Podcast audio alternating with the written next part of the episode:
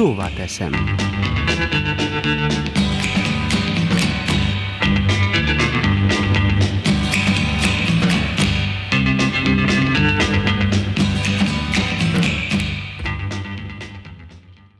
Köszöntöm a kedves hallgatókat! Már számtalanszor megfogadtam, hogy nem kísérem a közösségi oldalakat. Különösen a Twittert nem. Nem olvasok kommenteket az interneten megjelentetett hírek alatt. Ám a kíváncsiság nagy úr. Így előfordul, hogy megszegem a fogadalmamat. Aztán a látottak és olvasottak alapján ismét fogadalmat teszek, amit aztán néhány nappal később megint megszegek. Számtalanszor feltettem már magamnak a kérdést, hogy miót hozott az embereknek a közösségi háló.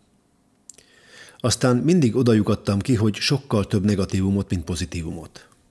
Mert amíg a felhasználók egy része ismerőseikkel a kertjükben virágba boruló rózsákat, vagy a büszke nagyszülők az unokák fényképeit, még többen a tengerben áztatott lábukat osztják meg az ismerőseikkel, addig nagyon sokan az anonimitás mögé bújva szítanak, mocskolódnak, gyűlölködnek. Nem számít mi a téma.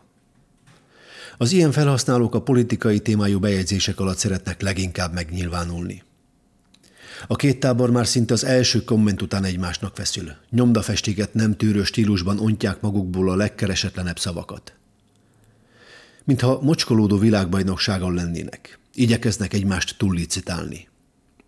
És ha megjelenik valaki, aki esetleg megpróbál a két tábor közé helyezkedni, hamar rájön, rosszul tette.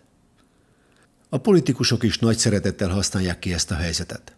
A saját szavazóikat arra hergelik, hogy az internet világában vívják meg a csatát a másképpen vélekedőkkel, járassák le a politikai ellenfelüket. Majd pedig előveszik a pattogatott kukoricát, egy doboz üdítőt, és élvezik a nem egyszer vérre menő vitát. Ennek a virtuális térben vívott háborúnak nincsen győztese. A kérdés csak az, hogy az emberiség meddig tudja még tolni a gyűlölet szekerét.